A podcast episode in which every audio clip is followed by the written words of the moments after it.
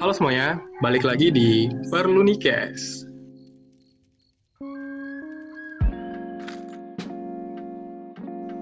Jadi uh, hari ini kedatangan spesial jauh dari Eropa, Dokter Rosalina Lili, spesialis kesehatan jiwa, yang udah meluangkan waktunya untuk join kami semua di Perlu Nikes hari ini. Jadi untuk Dokter Lili silahkan boleh masuk dok. Halo. Halo, Selamat dokter. Pagi. Selamat siang. Selamat siang juga dok. Apa kabar dok? Iya. Baik. Baik. Oke.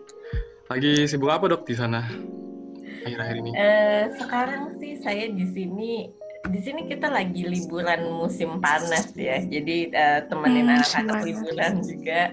Sama saya masih lanjut untuk eh, seperti biasa saya tetap eh, kasih konseling online juga untuk eh, workshop karena di sini kita masih untuk pertemuan masih belum dibuka. Jadi untuk sementara workshopnya saya masih lanjut kasih workshop eh, offline seperti itu. Oh iya iya iya. Itu Wow. um, keren sih dok. Itu workshopnya berseputar tentang apa dok? Eh, workshop yang sekarang saya eh, yang buat hari ini saya ngadainnya workshop kekuatan perasaan. Itu soal bagaimana kita bisa eh, mengenali dan bersahabat dengan perasaan kita sendiri. Dan juga keba- bagaimana kita bijaksana menghadapi perasaan. Karena kita kan manusia ya bukan robot. Jadi punya perasaan. Gimana dong kita ngadepinnya dengan baik? Itu seperti Wah, itu. keren banget sih dok Uh, itu. Juga ada workshop soal uh, mendengarkan, misalnya bagaimana mendengarkan itu bisa uh, membantu jiwa manusia yang seperti itu dan rencananya mungkin mm, per bulan Oktober uh, kita mau mulai uh, workshop burnout ya. Oh iya burnout. Mm-mm, Wah, uh, burnout. buat mahasiswa kalau ada yang tertarik ikut.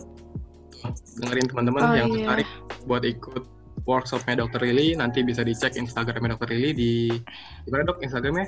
Di Uh, Instagram. at, uh, D- DR Rosalina Lili, double S ya. ya Rosalina Lili. Hmm, Bisa Rosalina. Lili.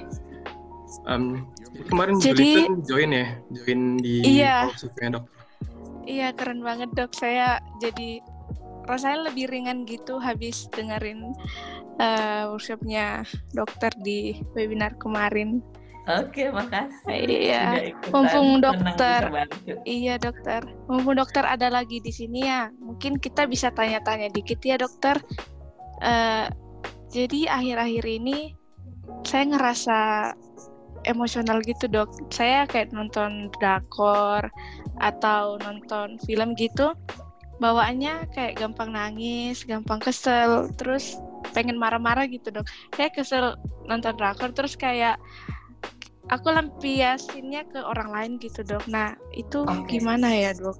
Iya, iya. Iya dok. Um, Heeh. saya juga kadang-kadang tuh kayak habis main apa gitu terus salah misalkan itu tuh kebawa terus gitu emosinya dok kayak jadi jadi gampang marah gitu Oke, Apa- iya, iya. apakah apakah saya punya semacam isu gitu dok atau ada ada yang salah sama manajemen emosi saya gitu dok Oke, iya. Jadi ada dua hal di sini ya. Pertama emosi, yang kedua bagaimana kita memanajemen uh, emosi kita. Jadi wajar kita punya emosi karena kita itu bukan uh, robot, kita itu manusia. Jadi kalau manusia itu kalau berdasarkan penelitiannya ada yang namanya lima, li- lima emosi dasar. Jadi ada yang namanya joy. Mungkin kalau bahasa Indonesia kita bilang jadi uh, bahagia atau sukacita ya, sadness itu sedih, disgust ya jijik, fear uh, takut sama anger, anger itu marah. Dan dari uh, kombinasi lima emosi dasar ini kita bisa ada emosi-emosi lain. Misalnya kalau uh, apa joy-nya besar banget itu kita bilang ekstasi. Kalau misalnya joy ada perasaan campuran antara joy uh, dengan sadness itu kita uh, namakan melankoli. Kalau misalnya anger-nya besar banget, kita bilangnya itu rage yang seperti itu. Jadi dari eh, lima emosi ini bisa ada kombinasi yang banyak. Misalnya kalau eh, kita punya perasaan joy, tapi juga ada fear di saat yang sama, itu kita bisa punya nama emosinya surprise ya seperti itu. Jadi kayak Oh, kaget gitu ya, Ya, seperti itu sih. Uh, jadi ya bisa banyak macam-macam itu itu yang namanya uh, emosi. Jadi wajar kalau misalnya tadi uh, misalnya habis nonton film atau misalnya kok kenapa ya sih jadi gampang nangis? gitu. Atau misalnya waktu main game gitu terus uh, kalah terus habis itu rasa marah terus uh, berkelanjutan. Nah kalau berkelanjutannya itu kita kita perlu bahasnya di manajemen emosinya. Jadi wajar kalau kita punya punya emosi gitu. Dan kalau misalnya kita mau coba tekan salah satu emosi, biasanya emosi lainnya juga tertekan. Jadinya kalau kita nggak mau coba lihat balik kesedihan kita gitu ya, kita bilang nggak ada apa-apa, biasanya kita akan juga jadi sulit untuk bisa ngerasain joy atau senang seperti itu. Jadi memang emosi kita perlu uh, terima apa adanya, akui apa adanya karena ya ya memang kita manusia gitu bukan robot. Oke dok, jadi itu namanya emosi dasar ya dok. Ada iya. emosi dasar, terus ada emosi lanjutan juga ya dok, yang mm -hmm. kombinasi. Iya Oh, saya baru tahu ya dok kalau ada dasar dan ada kombinasi. Ya ini berdasarkan penelitian ya. Jadi ada emosi dasar terus uh, dia ada emosi banyak lagi yang lain gitu. Jadi itu kayak kombinasi dari emosi dasar. Dan ini yang kalau pernah nonton film Inside Inside Out ya, itu juga mereka berdasarkan penelitian tuh uh, untuk bikin lima karakternya di sana. Iya dok, itu uh, ada bagian endingnya yang bikin saya nangis sih dok itu. Serius tuh tearjerkernya kuat banget di film itu dan yeah. ternyata itu based on research ya iya yeah, benar based on research tentang lima emosi dasar hmm. untuk uh, untuk dokter atau mahasiswa kedokteran yang paling sering yang uh, sulit itu adalah menangani kalau berdasarkan pengalaman saya adalah saat menghadapi uh, pasien yang meninggal ya. Biasanya oh. nanti kalau mahasiswa hmm, nggak pak akan pernah lupa pasien pertama yang ditangani yang meninggal biasanya gitu. Dan uh, sering kali kenapa dokter akhirnya kalau di luar negeri ya mungkin kalau di Indonesia aksesnya uh, agak sulit gitu ya dengan alkohol banyak yang akhirnya jatuh ke alkohol uh, karena untuk uh, enam ya enam the feeling terutama grieving sedih Iya dok, iya dok. Gitu. Dan itu kita nggak bisa juga, uh, maksudnya kita nggak akuin kalau kita nggak punya rasa sedih gitu ya. Karena kalau misalnya kita berusaha tekan, biasanya kita perlu kompensasi yang lain dan, dan untuk beberapa itu... orang jadi jatuhnya ke makan atau jatuhnya ke minum uh, alkohol ya.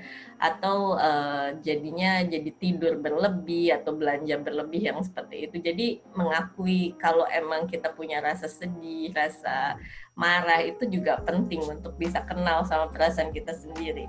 Saat kita kenal kita jadi tahu uh, untuk nanganinnya lebih baik bagaimana. Jadi dok saya termasuk dalam batas normal ya dok kalau kayak gitu. Iya betul, karena kan oh. masih bisa merasakan sesuatu ya. Kalau nggak bisa ngerasain sesuatu itu malah nggak normal. Oh, bagus bagus bagus. Saya kira saya udah mulai jadi abusive sih. Berarti belum belum sampai situ ya dok ya, masih batas normal. Enggak. Iya masih normal ya kalau masih bisa nangis atau masih bisa marah. Hmm. Alhamdulillah puji syukur. Terus tadi menarik tuh dok yang bahas tentang kalau ada sesuatu yang ditekan, emosi yang ditekan, yang ditahan-tahan justru malah ada pelampiasan ke tempat lain ya dok. Iya, kompensasi ya jadinya ya. Mm-hmm. Itu saya lihat sendiri sih dok di kalangan teman-teman saya yang sama-sama medical juga. Um, kalangan terutama yang international students ya. Jadi kayak belajar terus, terus pressure-nya exam, pressure-nya quiz tiap hari, pressure-nya report itu bikin teman-teman saya tuh jadi kayak lebih wild sih dok. Kayak agak-agak gimana ya? Gila lah. Agak gila ayo ya tapi memang untuk sebagian orang uh, kompensasinya jadi overwork ya. Iya iya dok iya dok. Iya uh, orang macam-macam sih. Ada yang uh, kompensasinya jadi overwork uh, overeating jadi makan berlebihan belanja berlebihan tidur berlebihan. Kata kata katanya berlebihan. Intinya oh. gitu kita tidur belanja. Kerja itu normal. Tapi kalau misalnya udah ditambah berlebihan itu biasanya kompensasi ujungnya. Saya banget tuh dok. Tidur berlebihan. Kalau ada ngerasain sesuatu gitu. Betul betul. Jadi teman-teman intinya kalau selama kalian masih bisa merasakan sesuatu belum mengganggu kalian itu masih bisa dibilang batas normal lah ya. Ya, kalau ada sesuatu yang berlebihan gitu, ada sesuatu yeah. yang berlebihan di hidup kalian gitu dok. Jadi hmm, apa nih dok? Kita harus khawatir sama diri kita sendiri. Kapan kita yeah. harus takut gitu kalau ini tuh udah nggak normal lagi gitu jadi yang yang pasti adalah um, kalau misalnya kadarnya udah lebih dari seharusnya baru kita bilang ini nggak normal gitu. Misalnya uh, tidur boleh loh tapi kalau tidurnya udah berlebihan tuh sampai waktunya misalnya kuliah terus jadi nggak kuliah itu kan uh, udah mengganggu ya mengganggu aktivitas sehari-hari gitu. Kalau misalnya rasa sedihnya itu udah berlebihan sampai jadi uh, males untuk makan atau males untuk uh, mandi. Ya mandi sih nggak apa-apa lah ya kalau kelewatan sehari gitu. Tapi kalau misalnya udah sampai seminggu atau ya mulai perawatan dirinya udah kurang ya itu berarti udah mengganggu ya gitu. Kalau misalnya marah uh, kita wajar banget loh punya rasa marah gitu ya. Malah kadang-kadang uh, kita perlu gitu. Tapi kalau uh, ekspresi rasa marahnya udah sampai uh, menghancurkan barang atau misalnya uh, mengeluarkan kata-kata yang uh, menyakitkan orang lain atau kata-kata kasar atau bahkan sampai uh, perilakunya udah uh, merusak ya entah itu merusak barang atau misalnya menyakiti orang lain misalnya memukul atau uh, apa tindakannya agresif berarti kan itu udah mengganggu ya dan itu uh, kalau misalnya seperti itu ya kita bilang itu udah uh, gangguan emosi gitu. Atau misalnya belanja ya itu normal juga gitu. Tapi kalau misalnya belanjanya udah sampai berlebih sampai uh, pakai kartu kredit atau, atau pinjem uang orang lain atau apa yang sampai bikin kita terlibat hutang gitu nah itu kan namanya udah mengganggu. Kalau misalnya udah mengganggu itu artinya kita kita perlu atasin. Jul dengerin Jul belanjanya ditahan-tahan Jul iya. Jadi kalau masih aku masih bisa rasain dok itu normal. Kalau sampai mengganggu kehidupan yang seperti biasa menghambat sampai merugikan itu berlebihan ya dok. Iya, iya kalau udah, udah masuk gangguan emosi Iya, kalau misalnya sekali dua kali lah kita makannya berlebih ya itu masih oke. Okay. Tapi kalau udah setiap hari sampai bikin jadi obesitas gitu misalnya, nah itu kan udah mengganggu juga ya gitu. Karena efeknya udah ke mana-mana. Benar-benar itu. Untungnya kami masih normal sih, jadi masih normal ya, jadi oke. Okay. Untungnya, alhamdulillah. Normal kita punya perasaan, nggak masalah. Marah juga normal. Betul. Jadi buat teman-teman yang ngerasa kalau kalian punya anger issues, punya apa pun issues yang berkaitan berkaitan sama emosional kalian dan itu udah mengganggu, kira-kira apa dok yang harus dilakukan selanjutnya? Jadi sebenarnya uh, perasaan itu kita normal punya, tapi yang pasti adalah gimana kita bisa balik ke seimbangan gitu. Kalau senangnya berlebih juga nggak bagus ya gitu. Kalau senang berlebih terus kita jadi bicaranya berlebihan, terus uh, jadi terus ada yang kalau senangnya berlebih dia jadi belanjanya berlebihan sampai uh, hutang atau kreditnya udah batas limit gitu misalnya. Itu kan juga nggak bagus. Kalau sedih atau marahnya berlebihan sampai aktivitas sehari-hari terganggu kan juga itu nggak bagus um, atau misalnya saat saya marah lalu saya berkata-kata kasar ke orang lain lalu hubungannya jadi rusak itu kan juga nggak bagus ya gitu ya seperti itu. Nah jadi intinya adalah gimana uh, caranya kita balik ke seimbangan, gimana caranya uh, tetap boleh marah, tetap boleh sedih, uh, tetap boleh diekspresikan, tapi diekspresikannya itu tidak sampai merugikan diri kita sendiri. Seperti itu. Jadi bisa untuk uh, mulai sadar saya rasa apa ya? gitu misalnya. Atau saat dia berkata-kata sesuatu kenapa? Terus abis itu uh, apa sekarang saya pengen makan banyak ya gitu. Jadi kayak kenalin diri sendiri kok saya jadi sekarang lagi pengen tidur berlebihan ya gitu. Atau yang seperti itu uh, itu dikenalin dulu uh, ini apa sih sebenarnya? Ada apa di dalam? Jadi kenal untuk emosi kita itu penting banget. Saat kita uh, mulai kenal gitu misalnya oh ya saya ada rasa sedih karena tadi saya merasa nggak dipedulikan ya sama teman saya gitu. Padahal dia penting banget buat saya misalnya. Atau uh, saya merasa sedih karena uh, nilai saya jelek gitu. Karena saya punya ekspektasi uh, tertentu gitu terhadap nilai saya pengen mencapai nilai tertentu, prestasi tertentu gitu dan uh, biasanya nggak cuma itu tuh nanti juga ada emosi yang lain, ada rasa takut atau rasa-rasa yang lain sebenarnya juga terlibat gitu. Nah jadi untuk uh, kenal uh, itu yang pertama, yang kedua adalah gimana caranya mengekspresikan gitu. Mengekspresikan sebagian orang ada yang dia sukanya dengan gambar ya, dia pilih warna gitu. Jadi kayak sekarang saya rasanya merah, warnanya merah gitu atau ada juga uh, orang yang dia butuh mengekspresikannya dengan fisik. Misalnya jadi olahraga dia lari atau misalnya dia uh, apa uh, macem-macem ya. Bisa dia lari atau dia berenang atau dia kayak uh, pukul sunset gitu misalnya gitu. Ini ekspresi marahnya gitu.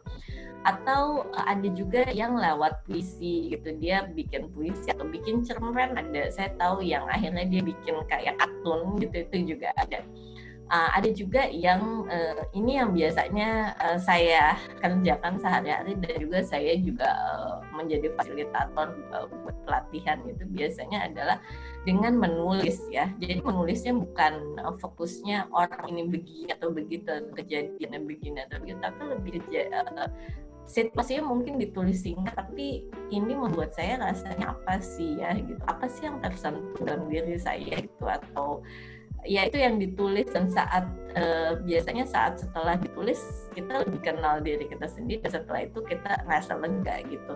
Ada juga yang bantu kalau kita bisa nemuin uh, teman atau orang atau uh, pendamping yang bisa bantu kita untuk mengekspresikan perasaan kita apa sih sebenarnya gitu. Eh, dan orang ini bisa terima kita apa adanya tanpa menghakimi. Dan biasanya setelah itu lebih lega ya. Eh, setelah kita balik ke keseimbangan biasanya baru kita lihat gitu.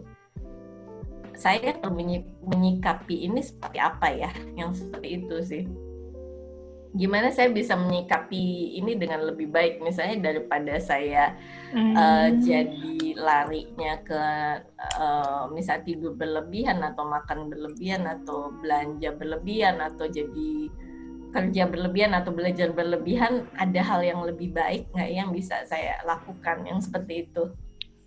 Baik dok. Jadi hal yang harus kami tahu tuh dok kami harus kenali dan sadari keberadaan bahwa itu wajar dok kami emosi. Terus kalau misalnya pas lagi ngerasain gitu bisa diekspresikannya dok ke aktivitas yang saat kami lakukan kami bisa jadi lebih tenang gitu rasanya dok. Ya, jadi lebih ke arah yang pertama hmm, aktivitas apa pun yang membuat kita lebih bisa uh, terkoneksi dengan perasaan kita sendiri. Karena perasaan itu nggak bisa kita buang gitu intinya.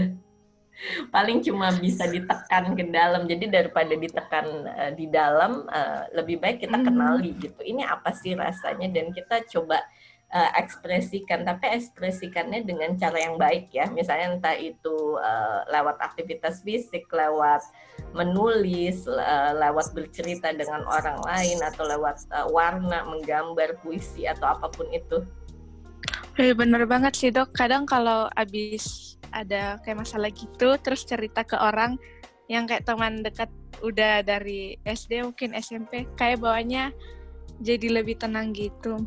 Dan oh iya dok, aku keingat yang dokter bilang yang di yang ada warna-warna gitu. Itu aku pernah lihat kayak buat journaling yang tiap hari gitu, terus diekspresikan kalau lagi marah langsung ditandain aja situ merah, lagi bahagia mungkin pink. Kayaknya aku bisa coba itu deh dok, biar setiap hari tuh kalau ngerasain apa tuh diekspresikan langsung gitu dok. Iya, iya bisa juga. Atau kadang-kadang buat orang-orang tertentu menangis itu bantu loh. Gak apa-apa loh tutup kamar terus kalau kita butuh nangis nangis karena uh, kalau yang namanya proses ada yang kita bilang berkabung atau grieving itu sesuatu yang perlu dilewatin juga kita emang perlu kasih waktu untuk uh, menangis dan bersedih gitu ya karena selama kita nggak kasih waktu buat uh, diri kita untuk uh, bersedih uh, grievingnya itu bisa tertunda sampai puluhan tahun gitu. Jadi belum selesai isunya gitu. Jadi emang kadang uh, kita perlu kasih hmm. waktu gitu. Dan kalau untuk grieving kalau uh, orang bilang uh, kamu kok belum move on sih gitu. Move on aja kenapa? itu nggak bisa. Grieving itu masing-masing orang berbeda ya, hmm. ya gitu. Emang ada waktunya ya, Dok. Wajar. Iya, dan kita kadang nggak bisa prediksi waktunya, tapi yang pasti kasih diri kita sendiri waktu untuk bersedih. Kalau emang ini kalau dalam hal putus cinta ya kalau misalnya memang belum siap untuk uh, punya hubungan baru ya jangan mulai lagi gitu ya. Emang kalau emang nah dengar tuh. ya.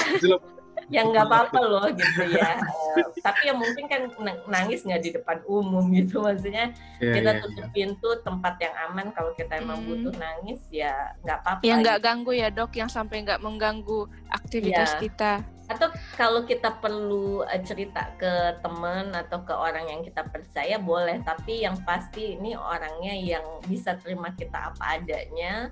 Terus yang kedua adalah uh, dia juga enggak uh, dia juga nyaman ya untuk melihat emosi yang kuat. Kadang-kadang ada orang tertentu nggak nyaman tuh kalau menghadapi emosi kuat, eh jangan nangis, jangan nangis atau apa gitu ya. Iya dong, ada ya, yang ya, merasa jijik gitu. Saya, saya, saya banget. atau ya dia nggak menghakimi ya terima aja padanya ditemenin gitu, bisa nemenin kita ya, uh, ya, ya. ngadepin oh, ini itu juga bisa gitu. Oh, iya, Jadi nggak masalah ya kalau belum move on ya, jangan oh, dipaksa. Oh apa dok. saya tanggupin dok itu dok. Jadi um, justru akhir-akhir ini tuh banyak banget orang yang curhat ke saya dok. Jadi um, mereka tuh habis putus, terus healingnya dengan nyakitin orang lain dok. Jadi mereka cari pacar lagi dan yeah. mereka healingnya sama orang itu. Jadi mereka belum belum fully healed, belum belum fully healed dari breakupnya dia. Tapi dia udah nyari pasangan baru dan akhirnya malah abusive ke pasangan barunya itu tuh jadi iya, banget. Karena kalau kosongnya di dalam nggak bisa diisi dari luar. Waduh, betul sekali. Wow. Dokter itu jadi ngisi, ngisi tong bocor ya. Kamu hmm. mau isi hmm. berapa banyak juga nanti kosong lagi. Waktunya orang masing-masing ya dok. Uh, yeah. Waktunya bersedihnya beda-beda. Terus ketahu harus pindah dari kesedihan itu gimana dok caranya? Maksudnya ada yang lama banget gitu. Nah, kita harus ngaturnya supaya itu timingnya pas gitu loh dok. Gimana ya? Karena kalau misalnya kayak kesedihan di masa lalu, terus kayak rasanya yang belum selesai gitu dok. Itu wajar atau gimana dok? Karena dokter tadi bilang itu ada masing-masing waktunya orang. Ya, yang uh, sebenarnya nih kita jadi ngomongin lebih ke arah move on dan grieving juga ya. Ini kalau putus hubungan jadinya jauh. Kayaknya iya, lebih iya, ini nih apa topiknya lebih menarik ya soal ini. uh, jadi soalnya. jadi kayak gini, kalau misalnya ini contohnya putus pacar lah ya misalnya, terus uh, sebenarnya ada rasa apa sih uh, di balik ini? Mungkin bisa banyak banget loh perasaannya gitu ya mulai dari saya merasa sedih gitu ya di balik rasa sedih itu apa sih gitu. Misalnya uh, saya merasa hmm, nggak hmm, berguna atau misalnya saya merasa uh, dikecilkan atau saya uh, saya kok merasa nggak ada harganya sampai dia tinggalin saya atau misalnya uh, dia uh, pilih orang lain gitu ya misalnya itu kan pasti menyakitkan banget gitu buat kita. Dan nggak apa-apa loh untuk kita ngerasain itu dan kasih waktu untuk uh, menangis juga gitu apa aja gitu. Atau mungkin kadang ada perasaan rasa bersalah atau kita nyalahin diri kita sendiri kenapa sih kita nggak misalnya cukup sempurna sampai uh, dia pilih orang lain gitu. Misalnya itu kan juga menyakitkan gitu. Atau yang lebih menyakitkan uh, buat kita ternyata sebenarnya adalah pada kenyataannya kita mau kasih kepercayaan kita dan cinta kita ke orang yang ternyata nggak um, berhak untuk dapetin itu ya. Kalau ternyata dia mengkhianati atau dia nggak menghargai kita. Jadi di balik sedih itu pun atau marah uh, sakitnya masing-masing orang itu beda biasanya buat dia gitu. Dan biasanya uh, kita akan uh, terluka di bagian yang itu adalah uh, apa namanya nilai utama buat kita nilai utama masing-masing orang itu beda-beda gitu. Misalnya kalau nilai orang uh, terutama saya adalah masalah kepercayaan saat saya terluka di bagian itu rasanya sakit banget gitu. Dan, tapi intinya adalah di di luar skala rasa sedih, rasa marah atau menyalahkan diri sendiri itu biasanya di paling dasarnya itu menggambarkan siapa diri kita sebenarnya sih gitu. Karena misalnya kalau kita mencintai orang tapi ternyata dia mengkhianati kita gitu. Kalau nilai dasar kita yang uh, paling besar adalah uh, cinta dan ketulusan dan saat saya sudah memberikan cinta dan ketulusan eh, lalu saya dikhianati biasanya sakit banget gitu. Tapi pada dasarnya saya bisa merasa sakit karena saya punya rasa cinta dan rasa tulus gitu. Intinya kan gitu. Kalau misalnya saya nggak punya rasa cinta, nggak punya rasa ketulusan atau kepercayaan kan dia mau pindah ke orang lain ya nggak masalah juga sih saya pindah ke orang lain juga gitu selesai. Maksudnya nggak nggak akan ada perasaan sakit. Jadi perasaan sakit itu biasanya kita bisa telusuri balik ada sesuatu hal penting dalam diri kita yang uh, butuh untuk hidup tapi uh, karena kejadian ini itu nggak bisa hidup gitu seperti itu. Jadi intinya adalah ada hal baik sih sebenarnya di dalam.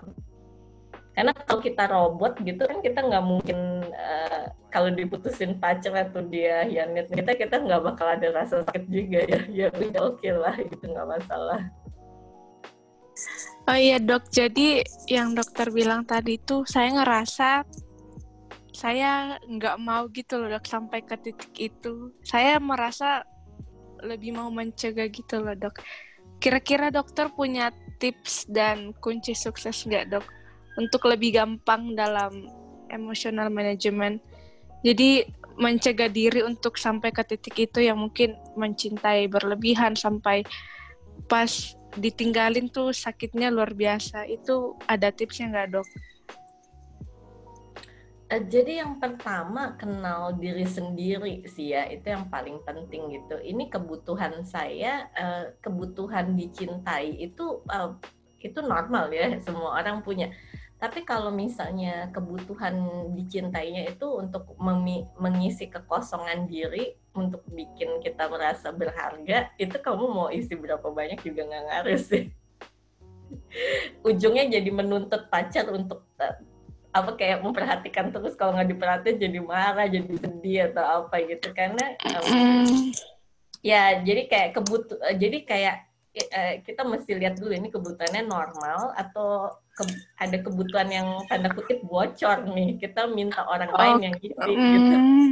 Seperti itu. Jadi yang paling pertama adalah soal emosi adalah kita kenal dulu sih sama emosi kita gitu. Itu yang paling nomor satu kalau setelah kita kenal kita jadi tahu gimana cara kita ngadepinnya seperti itu. Jadi yang pertama uh, tetap uh, kerjain uh, eh, self care ya hal-hal yang bikin kita jadi lebih baik. Entah itu dengan menulis entah menggambar atau kita uh, bercerita buat uh, ke orang-orang yang uh, kita percaya gitu.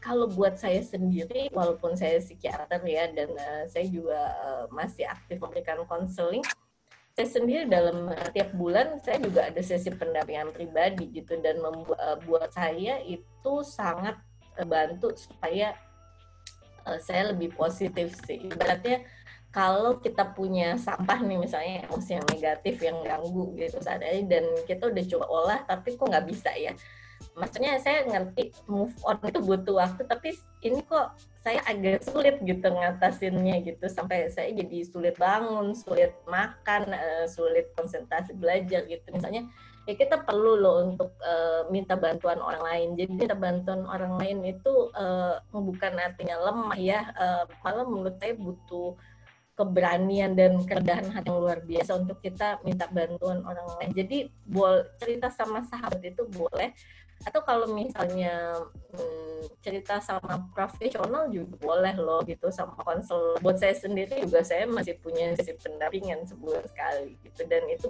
bantu saya banget gitu. Ya self care apa pun um. itu yang bikin emosi kita lebih seimbang lagi itu entah uh, kontak dengan alam atau dengan uh, journaling, kerjain hobi, uh, apa pun itu ya, uh, yang pasti kita akui perasaannya ada. Yang kedua kita self care. Kalau emang butuh tidur ya nggak apa-apa juga lo tidur gitu ya seperti itu. Kalau misalnya perlu cari comfort food boleh sih, tapi uh, prinsipnya 20-80 ya. 80% diet sehat, 20 persennya boleh lah kadang-kadang kita butuh comfort food gitu yang bikin uh, emosi kita enak. iya dok. Seperti itu sih. Jadi self care yang kedua kalau misalnya memang eh, nggak uh, sanggup nggak apa-apa lo minta bantuan orang lain gitu. Jadi nggak harus semuanya dikerjain sendiri nggak apa-apa kita berbagi sama teman atau orang yang kita percaya gitu atau nggak uh, apa-apa kita berbagi sama profesional kalau memang punya akses ke sana gitu ya seperti itu. It, itu sih uh, yang utamanya ya. Uh, saya mau balik lagi dok ke topik yang agak awal tadi soal yang grieving tuh dok yang kehilangan pasien pertama yang nggak bisa nanganin pasien pertama terus akhirnya meninggal. Nah kebetulan saya juga pengen gitu dok um, pursue postgrad jadi di mental health dan psikiatri gitu dok. Nah dokter sendiri punya pengalaman gitu nggak dok untuk kan dokter kan ngasih konseling ke pasien-pasien terus misalkan pernah nggak ada pasien yang nggak berhasil dokter tolong gitu dan akhirnya ada sesuatu yang nggak diinginkan gitu dok sama pasien itu itu gimana dokter bisa menangani perasaan itu kalau misal kalau misalnya di uh, bagian kedokteran beda-beda ya. Kalau di psikiatri atau psikologi mungkin yang paling kita berusaha uh, jangan sampai itu kalau kehilangan uh, pasiennya meninggal bunuh diri sih itu yang paling berat ya biasanya ya buat uh, buat kita gitu. Karena uh, pada kenyataan uh, kalau kita nggak bisa nyelamatin gitu uh, sampai dia akhirin hidup gitu itu yang paling biasanya paling berat sih. Uh, syukurnya saya belum pernah sih uh, saya tahu ada uh, ada uh, pasien yang pernah saya uh, tangani uh, pada akhirnya dia memilih untuk uh, buat itu ya adalah terus ada dia meninggal gitu ya. Tapi uh, saya bukan dokter uh, utamanya tapi memang buat kita sendiri sebagai profesional itu tetap, tetap berat sih ya kalau untuk uh, ngadepin yang seperti itu. Kadang-kadang kita juga bisa untuk uh, berpikir ya apa ya yang saya lakuin yang kurang gitu? Atau misalnya uh, apa sih kira-kira uh, saya ada ngelakuin yang salah enggak gitu yang seperti itu? Kalau mungkin kalau saya melakukan A atau B mungkin dia masih hidup gitu. Tapi yang pasti uh, apa pun profesi kita, apa pun ini berlaku juga kalau misalnya putus pacar atau putus hubungan pertemanan yang lain gitu. Mm-hmm. Uh, apa pun yang kita lakukan, uh, kita jangan nyalahin diri kita sendiri sih gitu. Itu yang paling utama karena mau kita menyalahkan diri sendiri juga uh, kita udah nggak bisa ubah ubah keadaan gitu. Yang pasti adalah sejangkauan tangan apa yang saya bisa lakukan uh, hari ini gitu. Jadi kalau misalnya kita lihat ulang Oh ya, oke. Okay. Mungkin yang saya pelajari kalau kejadian selanjutnya ini terjadi adalah uh, saya bisa lihat dari sisi A, sisi B, sisi C, atau mungkin saya bisa melakukan tindakan tertentu. Jadi kita bisa belajar dari masa lalu supaya saat kita punya kasus yang serupa kita tahu bagaimana menangani. Tapi yang pasti uh, kita nggak bisa uh, ingatin diri sendiri kalau uh, kita nggak bertanggung jawab atas hidup orang gitu jadi uh, ada banyak faktor yang berpengaruh dan uh, ya kita cuma bisa ingetin diri sendiri kita tuh manusia gitu bukan bukan Tuhan bukan dewa juga gitu. Kita cuma bisa uh, mengerjakan sebaik yang kita bisa tapi kita nggak bisa sempurna. Itu harus kita uh, bicarain ke diri sendiri juga sih. Itu penting banget gitu. Dan termasuk kalau misalnya uh, untuk melewati proses grieving itu perlu ditemani boleh lo minta temanin orang untuk uh, cerita gitu uh, rasa sedihnya kita itu seperti apa dan kadang-kadang uh, orang lain juga bisa bantu kita untuk uh, reality check ya. Maksudnya kayaknya ini bukan salah kamu deh gitu. Misalnya uh, untuk melihat keadaannya secara lebih objektif gitu. Dan biasa kadang-kadang kalau pengalaman saya orang lain juga bisa bantu kita untuk uh, lebih baik ke diri kita sendiri. Ketimbang diri kita sendiri itu lebih suka lebih uh, banyak uh, kalau kita punya ekspektasi tertentu ke diri kita sendiri saat itu nggak tercapai kita ada kecenderungan untuk nyalain diri sendiri. Jadi kayak perlu banget untuk mengingatin diri sendiri uh, saya udah kerjain yang terbaik yang saya bisa. Itu pertama saya memang nggak bisa sempurna gitu sebagai manusia saya terima diri saya apa adanya uh, sampai yang ketiga hmm, saya mau belajar untuk uh, lian kali apa yang bisa saya lakukan lebih baik. Seperti itu sih. Iya dok. Ya dok. Ya kan kebetulan juga ini perlu nikas pendengarnya banyak banget yang mahasiswa FK juga ya. Jadi kalian juga ke depannya bakal jadi dok gitu. Nah yang dokter alami gitu kehilangan pasien itu juga mungkin bakal kalian alami alami ke depannya gitu. Jadi itu bukan hal yang enak bukan hal yang menyenangkan itu hal yang sangat berat. Bahkan dokter dokter Rosalina aja yang udah sepuh lah ya bisa kita bilang udah spesialis. Expert. Gitu. Bahkan dokter pun juga manusia gitu. Jadi kita semua yang masih belum apa-apa ini kita juga harus sadari kalau kita tuh cuma manusia biasa kita tuh cuma orang biasa yang juga bisa bikin kesalahan gitu. Dan kadang semuanya nggak bakal berjalan sesuai kemauan kita nggak bakal berjalan sesuai ekspektasi kita. Jadi kita harus lebih ringan sama diri kita sendiri. Jangan terlalu keras jangan terlalu memberatkan diri kita gitu. Tapi ya belajar dari kesalahan dan kita harus bangkit lagi gitu. Oke dok? Iya uh, prinsipnya iya gitu. Hmm. Uh, prinsipnya sih ada sat, uh, salah satu kata-kata yang uh, uh, ini dari Andre Rose yang uh, sampai sekarang saya sering bilang ke diri uh, sendiri gitu. Ini penting sih menurut saya. Ini uh, dia bahasa Inggris kalau bahasa Indonesia jadi apa ya? Kayak dia bilang gini, uh, I only can be myself uh, fully myself, not more and not less gitu. Uh, kita cuma bisa jadi diri kita apa adanya gitu. Kita beda loh sama orang lain gitu ya. Uh, kemampuan kita beda, kita punya keterbatasan yang berbeda gitu. Jadi kalau kita bandingin diri kita sendiri sama orang lain, biasa tuh jadi ada minder, ada sedih, ada cemas. Ah, kok dia bisa, aku nggak bisa. Ya itu selalu ingetin diri sendiri kita beda loh sama orang lain. Kemampuan kita beda gitu ya jadi nggak perlu bandingin diri sama orang lain itu yang pertama uh, terus yang kedua adalah uh, karena kalau kita udah bandingin diri sama orang lain biasanya emosi jadi nggak enak tuh terus yang kedua iya, adalah um, jangan nyalahin diri sendiri gitu uh, kok saya nggak bisa ya bisa begini atau gitu uh, jangan ya itu orang masing-masing kan beda juga gitu ya saya bisanya segini ya segini jadi kayak I only can be myself fully myself. Jadi fully myself adalah dalam arti kita juga mengaktualisasikan uh, aspirasi hidup kita, kemampuan-kemampuan kita. Dalam arti juga kita berani coba hal baru, nggak apa-apa itu gagal, kita mau belajar gitu ya. Fully myself, kita ngembangin diri kita jadi uh, individu yang lebih baik. Uh, not more, not less. Not more itu dalam arti kita juga nggak memaksakan diri sendiri harus bagus, harus sempurna, harus IP-nya tinggi atau apa uh, terus lalu kita sampai nggak tidur, nggak makan atau pokoknya sesuatu yang merugikan diri sendiri karena kita memaksa diri kita sendiri. Not more and not less. Not less dalam arti karena kita misalnya takut gagal atau uh, takut coba terus kelihatan nggak bisa.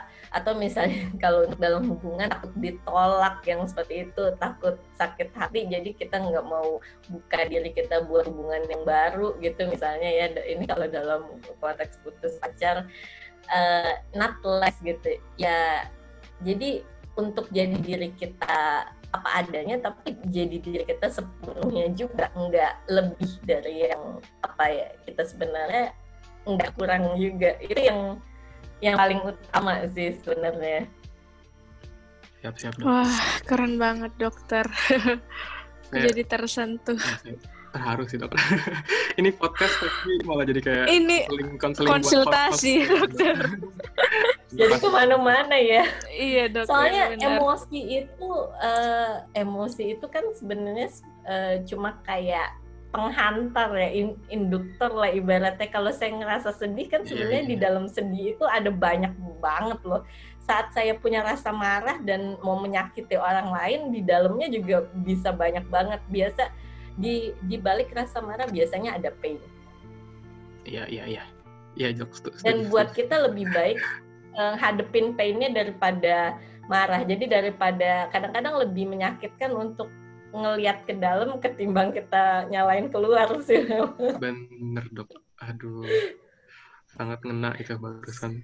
Iya, yang bilang yang dokter bilang dari tadi tuh kayaknya semua kena deh. Ke saya mungkin ke teman-teman yang dengerin podcastnya juga kena banget.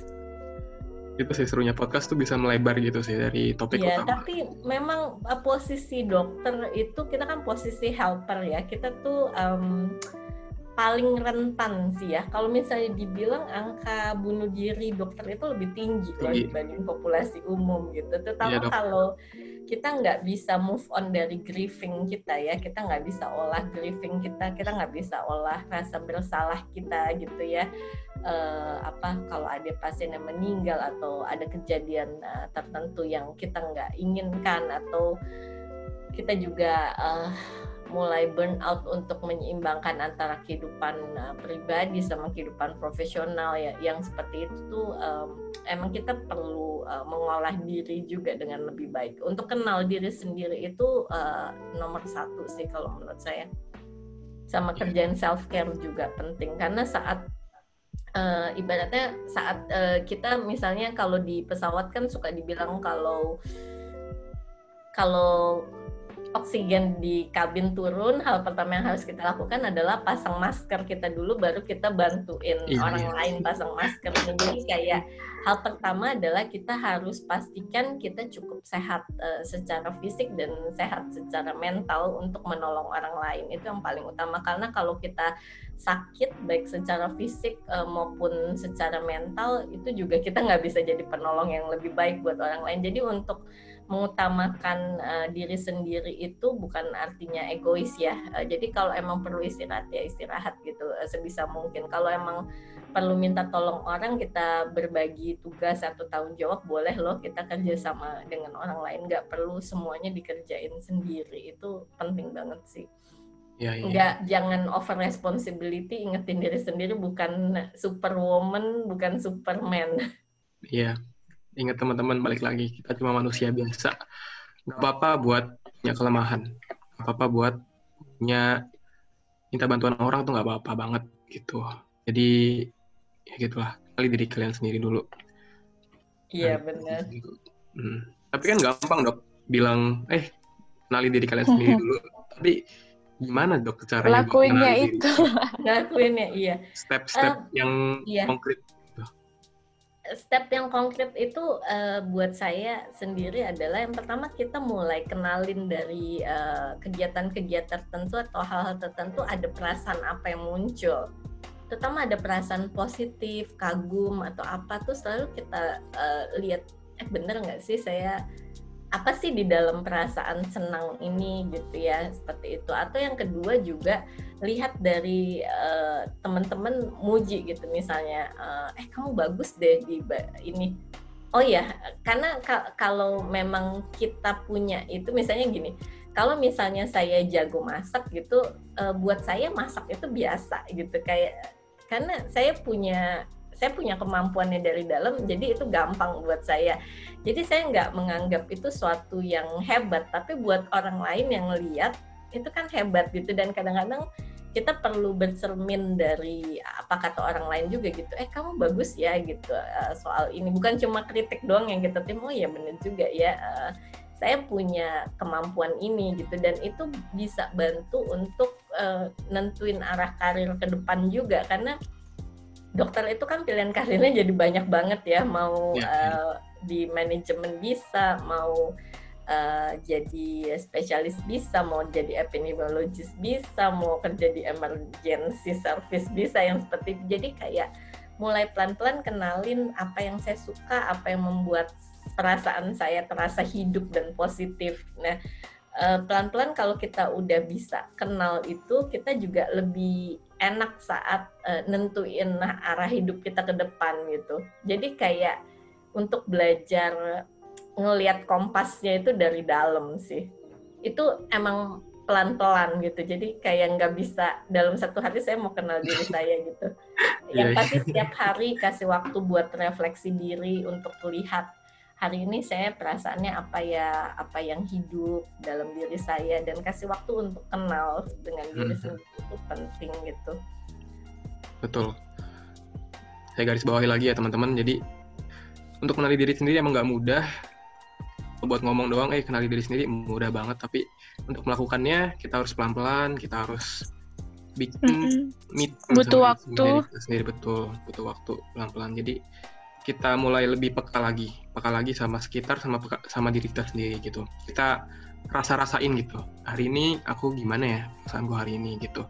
Apa hal yang aku sukai, apa hal yang bikin aku sedih, apa hal yang bikin aku marah gitu. Itu yeah. dikenali, dikenali lebih eh dipekain lagi gitu diri kita sendiri. Jangan pekain pacar terus guys. Diri sendiri itu penting, lebih penting yeah. dari orang lain gitu. Hati kita dipenuhin dulu ya dok, jangan sampai kosong biar nggak narik narik yeah, butuh-butuh yeah. terus gitu. Iya, yeah, uh. karena kita cuma bisa menuhin diri kita dari dalam ya, nggak bisa dari luar. gitu. Saat kita kontak dengan diri kita apa adanya, dengan kualitas positif kita, dengan hal-hal yang kita punya, dengan hati nurani kita itu yang uh, bikin kita bisa penuh sih. Jangan dibalik orang luar yang harus menuhin. nah, tuh dengerin, dengerin, dengerin. Oh, nggak terasa ya dokter ya. iya. Kemudian juga kalau um, memang pengen uh, kenal perasaan lebih lanjut, terus juga pengen tahu gimana cara lebih bijaksana menghadapinya, uh, untuk bulan September ini saya ada workshop sih tanggal 20-27 September itu hari Minggu ya jam dan 4 Oktober itu tiga kali ya ini udah yang kelima sih uh, saya adain uh, workshop kekuatan perasaan namanya kayak gitu guys wah infonya dicatat infonya itu gimana dokter di lewat iya pakai zoom Mana? biasanya oh. daftarnya gimana ya dok Infonya dari uh, kalau Instagram daftar ya, bisa uh, lihat di Instagram saya juga sih gitu. Satu tuh. Mm -mm. Ayo, ini kalau misalnya mau kenal uh, perasaan diri sendiri, tapi ini bukan sifatnya bukan kayak seminar ya. Kalau workshop itu lebih ke arah kita kasih waktu untuk diri sendiri untuk kenal perasaan kita. Jadi kita akan dengerin musik, kita akan uh, lihat gambar, terus juga ada pertanyaan-pertanyaan refleksi tertentu yang uh, seputar perasaan yang kita perlu jawab gitu. Jadi kasih waktu buat diri sendiri untuk refleksi dan uh, kemudian juga yang paling yang paling bagus dari uh, workshop adalah kita kerjainnya di grup. Jadi kita bisa belajar dari yang lain. Karena kan yang lain juga sharing kita dengar. Dan uh, yang pasti adalah ada ada rasa aman berbagi. Jadi kalau yang lain sharing kita nggak boleh komentar gitu. Biasanya seperti itu dan itu yang jadi kayak ada perasaan sendiri ah ternyata nggak cuma saya yang kayak gitu orang lain juga ya iya. gitu yang seperti itu ternyata nggak cuma saya yang rasain ya. ternyata nggak cuma ada saya, orang lain orang lain juga tapi kita juga belajar uh, kekuatan diri kita sendiri gitu dan ini menarik banget jadi kita bisa tahu masing-masing orang tuh uh, pekanya kenal perasaannya ada yang dia pekanya lewat musik, ada yang lewat gambar, ada yang hmm. lewat nulis gitu. Tapi kita okay, coba semuanya gitu. Jadi kayak masing-masing jadi lebih kenal dirinya sendiri dan uh, di akhir pertemuan biasanya penemuannya beda-beda. Uh, terus ke depannya pengen ngapain juga beda-beda. Ya, seperti itu. Tapi ini menarik banget sih. Uh, buat saya uh, ini empat udah empat kali ya saya ngadain untuk empat grup. Uh, di setiap grup saya juga belajar dari uh, peserta lain. Dan saya sadar satu hal kalau selama kita masih kecil sering kali kita banyak fokusnya lebih diajarin baca tulis hitung gitu ya. Akademis banget gitu. Tapi jarang kita yang bisa ada ngajarin kita untuk kenal perasaan kita untuk gimana sih ngadepinnya dengan lebih baik gitu. Mhm. Kadang-kadang kalau nangis, apalagi buat yang laki-laki jangan nangis, nggak boleh cengeng gitu. kalau misalnya uh, terutama yang perempuan tuh ekspektasinya untuk jadi anak manis atau jadi kalau kita punya rasa marah jangan marah nggak boleh marah gitu kan nggak uh, kayak begitu gitu uh, jadi kayak kita juga jadi kadang-kadang bingung gitu sama perasaan kita sendiri gitu padahal perasaan itu wajar ada gitu jadi kayak itu yang kadang-kadang yang nggak apa-apa uh, kalau masih kecil kita nggak pernah belajar ngenalin perasaan kita dan gimana ngadepinnya uh, ya nggak apa-apa waktu dewasa kita belajar gitu betul dan belajarnya bisa bareng dokter Rosalina ya guys di workshopnya. Ya itu boleh kalau misalnya mau. Atau misalnya boleh kalau memang uh, rasanya butuh. Aku mau ikut deh. kalau butuh konseling saya juga bisa uh, ini apa uh, kita konselingnya saya biasa lewat Zoom ya, gitu satu jam biasanya seperti okay, itu. Dok. Mm -mm. Apa pun itu ya, masing-masing orang caranya beda-beda. Tapi yang pasti uh, apa pun itu yang bisa bawa kita jadi individu yang lebih baik ya, dalam arti lebih baik ke diri sendiri dan saat kita bisa lebih baik ke diri sendiri, biasa kita bisa lebih baik ke orang lain orang juga lain. sih. Iya dok. Betul mantap, banget. mantap. Keren banget dok. Tersentuh jadi, aku. Sumpah dok speechless sih kita dengerinnya juga. Jadi benar-benar apa ya terharu lah ngena banget gitu dari semua yang dibahas hari ini gitu. Kita mulai bahas dari emosi tadi lima dasar emosi terus kombinasi-kombinasinya dan cara untuk mengenali diri lebih lebih dalam lagi gitu. Dan juga gimana ya untuk bilang nggak apa-apa gitu sama diri kita sendiri. Kalau ada yang gagal nggak apa-apa bangkit lagi. Kalau ada yang merasa sedih hmm. nggak apa-apa sedih nggak apa-apa nangis. Nggak apa-apa cari orang lain untuk curhat gitu. Jangan takut untuk minta bantuan jangan takut untuk cari orang lain untuk bantu kita gitu. Itu semua nggak apa-apa itu semua normal ya. Tapi kalau yeah.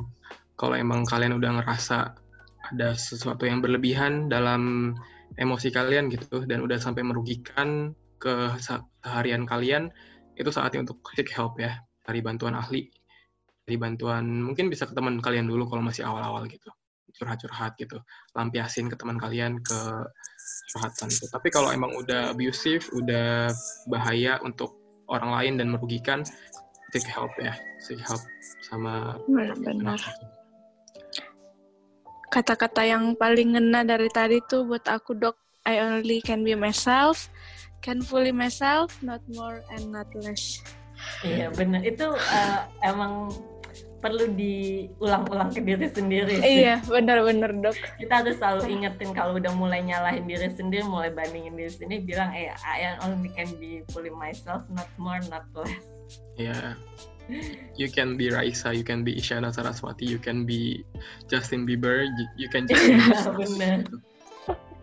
Jangan terlalu banding-bandingin sama orang lain lihat orang lain di medsos produktif ya udah gitu kalian juga produktif dengan cara kalian sendiri nggak usah iya, terlalu karena pain di dalam orang nggak mungkin tunjukin di medsos ya iya iya dok iya saya mungkin. tahu banyak uh, klien yang kalau di luar tuh kelihatannya sempurna banget dia punya pasangan yang sempurna dan uh, hmm. kerjaan yang sempurna segala macam tapi di dalamnya dia kan nggak akan cerita ke orang juga seperti apa iya. gitu jadi hidup nggak nggak seindah media sosial. Kalau misalnya ngelihat account tertentu atau media sosial tertentu bikin kita jadi spiraling down, bikin emosi kita nggak enak, batasin. Betul. Saya udah lakuin tuh. Dan teman-teman juga aku rekomendasiin buat batasin medsos, terutama Instagram gitu. Kan nggak mungkin orang-orang yang di Instagram tuh mereka misalkan lagi gagal menang lomba mereka posting eh aku gagal menang lomba nih. Nggak mungkin. Bener banget sih. Pasti kalau menang aja di uploadnya kalau kalah nggak bakal di upload kalau lagi males nggak bakal di upload gitu. Dan ya itu isinya isinya medsos ya circle jerking gak sih bisa dibilang circle jerking dan apa ya ego boosting lah ego boosting jadi kalian ya, kalau uh, hidup nggak seindah medsos ya. iya dok. iya dok. Setuju kalau soal itu. Setuju banget. Karena rata-rata yang di medsos itu bukan manusia sih, cuma reaksi aja, reaksi dari apa yang orang-orang ingin tunjukkan ke orang lain. Tapi Dan, uh, jangan uh, salah, tapi kalau ada akun-akun medsos yang bikin kita rasanya emosi lebih oh, enak, lebih iya. damai, iya. kita ikutin nggak apa-apa ya. Jelas, gitu. Saya jelas, juga jelas. ada beberapa iya, dok. akun Instagram yang uh, saya selalu buka sih setiap hari karena mm -hmm. saya ngerasa eh ini bener banget ngingetin saya gitu. Saya buka akunnya Dr. Rosalina terus sih. saya lihat Oh iya, highlightnya makasih ya. Salina sih. Karena bener-bener sih dok, baru baru kemarin tuh setelah webinar itu jadi dapet kenal dokter Rosa, terus di ngecek Instagramnya dan katanya relate. Memberanikan diri. Speechless sih dok, nggak nyangka kalau dokter bakalan mau gitu. Kayak, eh mau nggak ya? Mungkin dokter sibuk kayak gitu. Oke, Kalau ada saya eh, kebetulan saya ada waktu sih saya pasti eh, bantu ya. Seperti Iya, Dok. Terima kasih Oke. banyak intinya mah. Jadi kita itu lagi ya. Hmm, hari ini pokoknya kita harus mulai bisa bilang ke diri kita sendiri kalau kita cuma manusia biasa. Kalau kita cuma orang biasa yang bukan Superman, bukan Wonder Woman dan kita boleh gagal, boleh salah, boleh punya emosi, boleh punya apa pun yang kalian rasa negatif itu nggak apa-apa. Tapi ingat jangan sampai berlebihan, jangan sampai mengganggu itu aja sih buat hari ini.